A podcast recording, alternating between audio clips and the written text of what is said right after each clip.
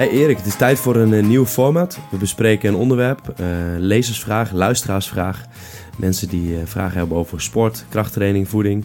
En vandaag gaan we het hebben over het combineren van cardio en krachttraining. Interessant onderwerp, hoe je dat doet. jij hebt er een aantal vragen over. Zeker. Ik heb me erin verdiept. Ja, ja. ja ik zie je altijd fanatiek met hardloopschoenen aantrekken op je wielrenfiets en in het krachthonk. Dus dacht, daar kunnen we mooi een podcast aanwijden. En uh, ja, de eerste vraag, laten we maar gelijk beginnen. Werken krachttraining en cardio elkaar tegen? Um, ja, deels. Uh, maar het valt te combineren. En er zijn een aantal regels voor hoe je dat kunt combineren. Dus daar gaan we het uh, later over hebben. Maar allereerst, werken ze elkaar tegen? Ja, als je heel veel aan duursport doet, dan naast je krachttraining, dan zal het veel lastiger zijn om spiermassa op te bouwen, uh, meer spierkracht op te bouwen. Maar het is mogelijk als je dat op de juiste manier afstemt. Zijn geen eiwitshakes uh, tegenaan te...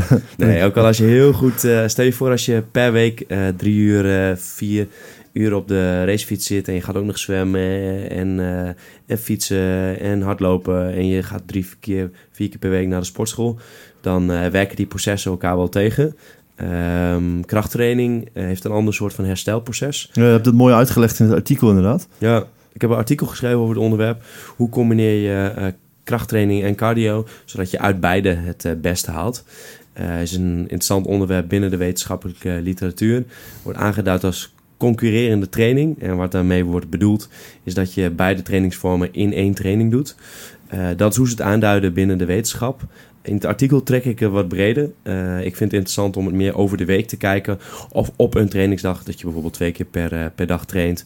Of uh, de ene dag krachttraining doet en de volgende dag cardio. En dan is het ook belangrijk om met bepaalde dingen rekening te houden om dat af te stemmen. maar goed, daar gaan we straks naartoe. Even een stap terug van hey, hoe, hoe werkt dat precies? als je een krachttraining doet, dan belast je de spieren. tenminste, als je dat met een, een, een toenemende belasting doet. Dus als je krachttraining doet, is het belangrijk om steeds net een andere prikkel toe te dienen. In de zin van herhalingen of van gewicht. En uh, daar moet je lichaam van herstellen. En voor dat herstel uh, heb je tijd nodig, heb je goede voeding nodig, heb je uh, slaap en, en, stressmanagement. Dat zijn dingen waar je rekening mee moet houden. Maar um, nou, ze noemen dat uh, een mTOR pathway is zeg maar een van de dingen die belangrijk daarvoor is. De, en de eiwitsynthese, dat zijn even de twee hoofdpijlers zeg maar voor, voor krachttraining en spierherstel. En die wordt beïnvloed uh, in bepaalde mate als je ook duurtraining doet. Die beperkt, zeg maar, duurtraining beperkt het herstel van krachttraining. Als je dat uh, op een te hoge intensiteit en een te, lang, uh, te lange duurtraining doet, dan worden die twee, nou, de eiwitsynthese en de, die mTOR pathway, om even moeilijk te maken, die worden geremd. In hun herstel, waardoor je minder snel massa kunt opbouwen en spierkracht. Uh, maar er zit natuurlijk wel, dat noemen ze dan een dosis-respons-relatie in. Dus doe je niet heel veel aan cardio en doe je het op een, op een verstandige manier, dan kun je beide heel goed samen doen. Dus om je vraag te beantwoorden, werkt het elkaar tegen of is dat beperkend? Ja, maar onder de juiste omstandigheden met de juiste toepassing kun je cardio en krachttraining goed combineren. En ja, dat zie je bij mijzelf ook. Ik heb afgelopen jaar ben ik sterker geworden op de main lifts. Uh, heb ik ook nog mijn calisthenics verbeterd. Dus uh, denk aan tricks. Maar is mijn conditie ook beter geweest. En nou ja, wij zijn zelf eens fietsen in, uh, in Spanje. En mooie tochtjes gemaakt. nou kan ik een echte duursporter niet bijhouden omdat ik veel zwaarder ben en ben gericht op krachttraining. Maar ik kan wel, wel bij jullie in de buurt blijven en kan mijn conditie blijven verbeteren. Omdat ik dat mijn lifts ook omhoog gaat. Dus het kan wel, maar je moet gewoon met, uh, met een aantal parameters moet je rekening houden. Ja, nou, mooi, uh, mooi uitgelegd. Uh, je geeft aan van ja, die mTOR pathway en die eiwitsynthese. en maar bij een bepaalde dosis-response relatie, dus als je niet te grote omvang hebt en niet te lang, dan, dan heeft dat niet zoveel effect erop. Ja. Als ik het goed begrijp. Ja. Wat je ook in het artikel aangeeft. Ja, klopt. En, ja. en waar praat je dan over? Om, wat voor omvang? Um, nou, je kan uh, op een aantal manieren aanpakken. Uh, laat ik een aantal situaties schetsen. Je bent uh, iemand die een krachttraining doet en een betere conditie wil. Dan heeft de voorkeur om um, het op een aparte trainingsdag te doen. Voorkeur 6 tot 24 uur tijdsverschil. Dus je wil het liefst eh, daar zoveel mogelijk tijd tussen hebben, tussen je kracht en je cardio. Maar het kan heel goed. Er zijn heel veel mensen die daar niet de tijd voor hebben, omdat die willen dat gewoon binnen één training framen, zeg maar.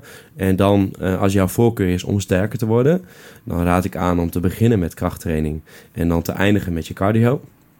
Dus dat is een manier om het in te vullen. Wil jij beter worden, dat is weer een andere situatie, wil je beter worden in duurtraining, nou dan is het gewoon verstandig om te beginnen met je, uh, met je cardio, de conditietraining, kan ook high intensity zijn, om echt uh, bewijs van de spinningles. En dat je daarna nog je, je krachttraining doet. Maar dan leg je wel echt de nadruk op conditie verbeteren.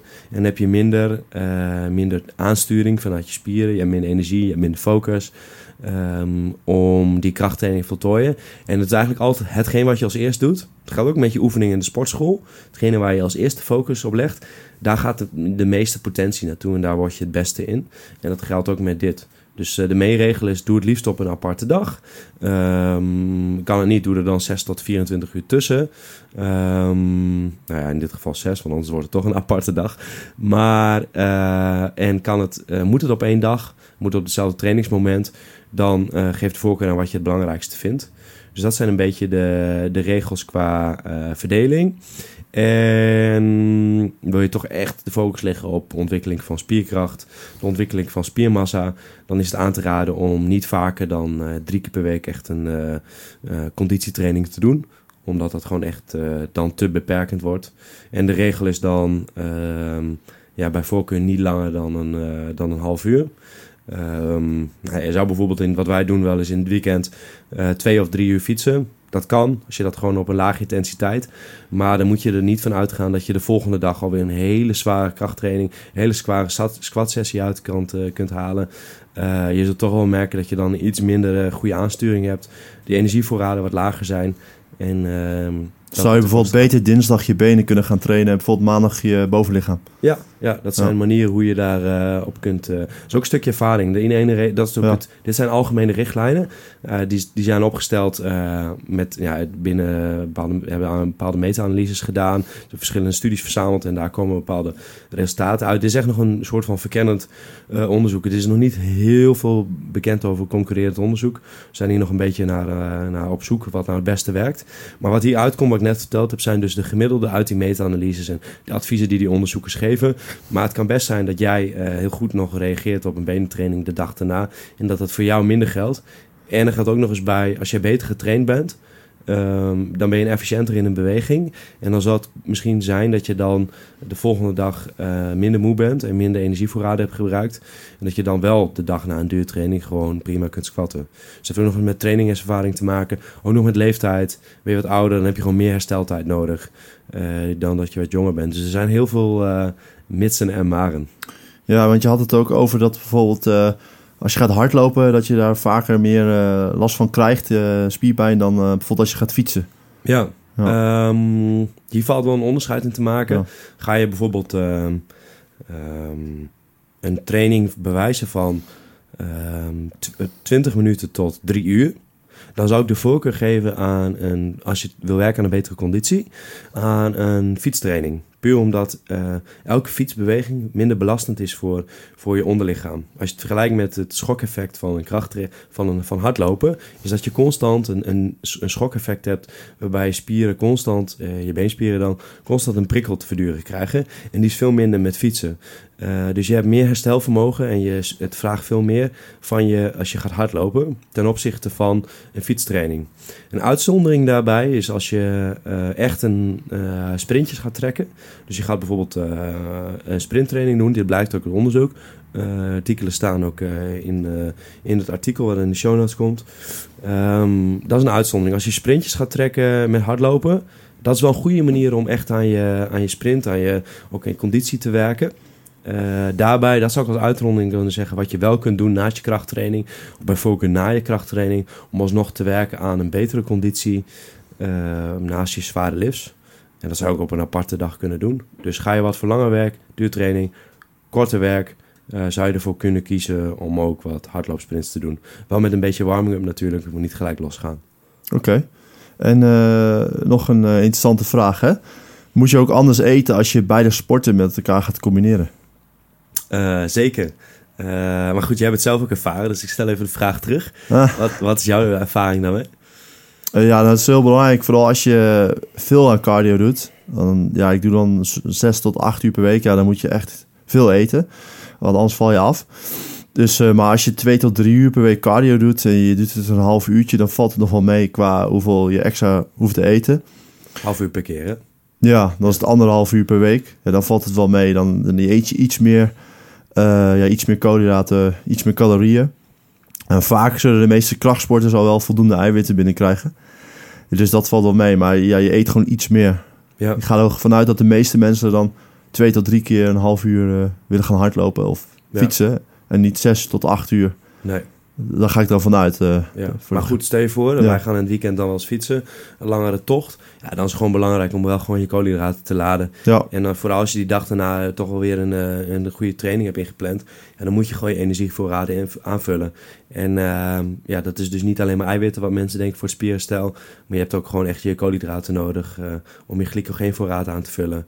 Ja. Dus gewoon gezond en gevarieerd eten en wat extra. En misschien tijdens een lange duurtraining kun je nog uh, nou ja, banaan of uh, energierepen uh, meenemen. Of bidonnetje met wat suikerdrank. Ja, ja. En ja, zijn er ook nog andere punten om op te letten? Nou, een handige tip die de luisteraar mee wil geven is om je progressie bij te houden. Want het kan best zijn als je je normale krachttraining doet en je wil echt sterker worden of je wil een bepaalde massa opbouwen is dat je je cardio, ernaast gaat doen, of je cardio gaat opvoeren, dat je meer uh, conditiewerk gaat doen, is uh, dat je achteruit gaat in, uh, in spierkracht of in spiermassa. Um, dat is mogelijk. Uh, maar dat is wel goed om te weten. Uh, om dat goed te monitoren en kijken van wat is de oorzaak. Nou, het kan bijvoorbeeld oorzaak liggen bij wijze van dat je misschien uh, stress op werk hebt of dat je minder goed slaapt. Maar het kan dus ook oorzaak zijn is dat je meer bent gaan trainen of dat je niet voldoende eet. En um, ja, het is goed om te kijken van hé, hey, wat heb ik deze week gedaan? Bijvoorbeeld de week voordat je bent begonnen met cardio. Wat waren je lifts? Ehm, op welke hoeveelheid gewicht zat je? En je bent met conditie begonnen over de weken van hé, hey, kan ik nog steeds die progressive overload kan ik nog steeds zo zwaar blijven trainen. Kan ik elke week uh, net een stapje verder komen. En goed te meten van hey, uh, hoe ziet mijn uh, schema eruit en hoe ziet mijn progressie eruit. Dat is wel iets wat ik zou mensen adviseren. houd het bij in de app. wij hebben daar zelf de Fitmethode app voor. Dan kun je je training inloggen. Je kunt ook in een Excel sheet doen. Kijk gewoon van hey, ik heb week A heb ik zoveel gesquat en zoveel gebenched. Um, ik ben cardio gaan toevoegen. Uh, heeft, is dat de kosten gegaan van, uh, van de hoeveelheid volume die ik kan draaien en de intensiteit. En de intensiteit is dan de hoeveelheid uh, kilo's die ik, die, ik voor, die ik omhoog kan drukken. ik denk dat dat wel mooi is. Ik denk dat jij dat zelf ook doet. Jij meet in wattages, maar je houdt ook je gewicht erbij in de sportschool. Ja. En ik zie het in mensen ook bij, bij omheen die dat zijn gaan combineren en toch wel wat af zijn gevallen, daardoor minder sterk zijn geworden. Um, dat is denk ik niet nodig als je dat uh, op de juiste manier en op een verstandige manier doet. Hierbij geldt dus wel meten is weten. En uh, dat betekent ook even een beetje werk. Uh, maar als je echt resultaat wil, dan zou ik wel zo planmatig aan de slag gaan. Ja, en ik denk ook wel het belangrijk is dat je, ja, wat jij ook al aangaf, op één van de twee de prioriteit legt. Het is wel ja. lastig om alle, allebei heel goed te worden. En dat Zeker. gaat frustreren. Ja, ja. Omdat je dan één van de twee, of je raakt overbelast. En daarom denk ik van ja, of kies voor krachttraining of voor cardio. En dat het een dan het ander ondersteunt. Zeker. Maar als je alle, allebei, dat gaat dan waarschijnlijk niet werken. Er zijn uitzonderingen, maar... Ja, je ziet uh, bij de mensen die je kent die op, op topprestaties qua krachttraining neerzetten, dan hebben we het echt even over powerlifting. Hè? Dus die squat echt heel veel benchpress, heel veel deadlift, heel veel. Zijn echt uh, nou ja, een beetje tussen haakjes monsters. Uh, die doen bijna niet aan cardio. Um, die richt zich echt alleen maar op die lifts. En ja, ik zou, de, ik, zou, ik zou zelf wel adviseren als ik een coach om, om wel wat conditiewerk te doen, omdat het gewoon gezond is. En ik denk op lange termijn dat het beste is gewoon voor je algehele gezondheid. Uh, maar dat is hoe ik daarin sta. Maar die zou ik niet adviseren om een duurtraining te gaan doen. Omdat het toch misschien net of die 1% kan schelen. En als je op internationaal niveau uh, wedstrijden doet, dan uh, is dat bij kracht is dat ten opzichte van powerlifting denk ik niet zo verstandig. Maar als je gewoon een reguliere sportschoolbezoeker bent en je wil sterker worden, amateurniveau powerlifting. Denk dat het een hartstikke mooie toevoeging is. Dat het heel complementair is. En als je ook in duursporten bent en je, je gaat heel erg veel in de sportschool om hele dikke biceps te, te kweken. denk dat het ook een beetje onzinnig is. Want die moet je allemaal meetillen en daar heb je eigenlijk niks aan met een, met een fiets, toch? Uh, dus ik heb nog nooit een uh, echt mega gespierde Tour de France. Wel Lance Armstrong. ja, die was op een gegeven moment wel, wel echt... ik weet niet waar dat kwam. Maar. echt jacked. Ja. Maar nou goed, die, die kon aardig meekomen toen in dat jaar. Ja, die had best wel wat spierballen ja, tijdens... Ja, volgens mij zit hij bijna op 80 kilo. was echt een van de zware renners toen. Um, dus het is maar net de, waar leg je je focus op. Um, en als je echt een topsporter bent, dan heb je een uitgemaakt, training, uitgemaakt trainingsschema. En dan word je echt begeleid. En dan wordt het echt goed voor je afgestemd. Ja. Hey Jeroen, dit waren al mijn uh, vragen. Heb jij zelf nog aanvullingen? Uh, ja, als mensen nog uh, meer vragen hebben, we hebben een artikel geschreven dus erover. En als je onderaan het artikel klikt op reageren volgens mij, staat er een knop. Dan ga je naar het forum en dan kun je alle vragen stellen. Mocht je nog iets aanvullends willen zeggen of uh, ergens met een prangende vraag zitten, dan uh, vinden we het hartstikke leuk om die te beantwoorden. Dus uh, ja, dat. Ja, en ik ben natuurlijk, net zoals jij, benieuwd naar de iTunes reacties en reviews. Dus wil je onze podcast supporten, dan kan dat. Als je door een review achterlaten of vijf sterretjes. Dan zou je ons enorm helpen, want dan kunnen we weer meer mensen bereiken met onze tips. Dus ehm, ja, dat is wat ik aan de luisteraar wil vragen. Ja, nou, je hebt het al mooi voor mij ingevuld.